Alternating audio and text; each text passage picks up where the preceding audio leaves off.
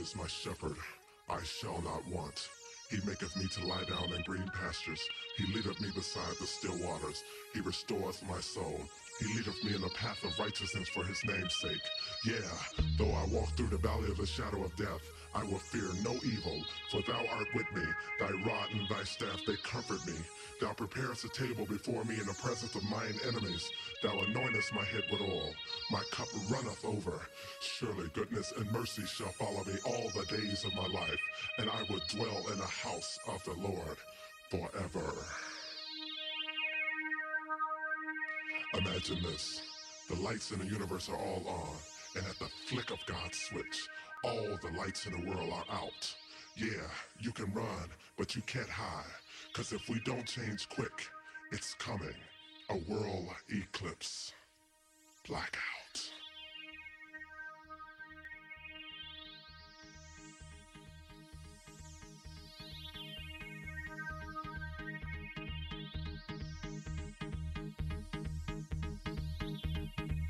The lights come on, the lights go off. Blackout at the flick of God's switch. In the beginning, God created the heaven and the earth. And the earth was without form and void, and darkness was upon the face of the deep. And the spirits of God moved upon the face of the waters. And God said, Let there be light. And there was light.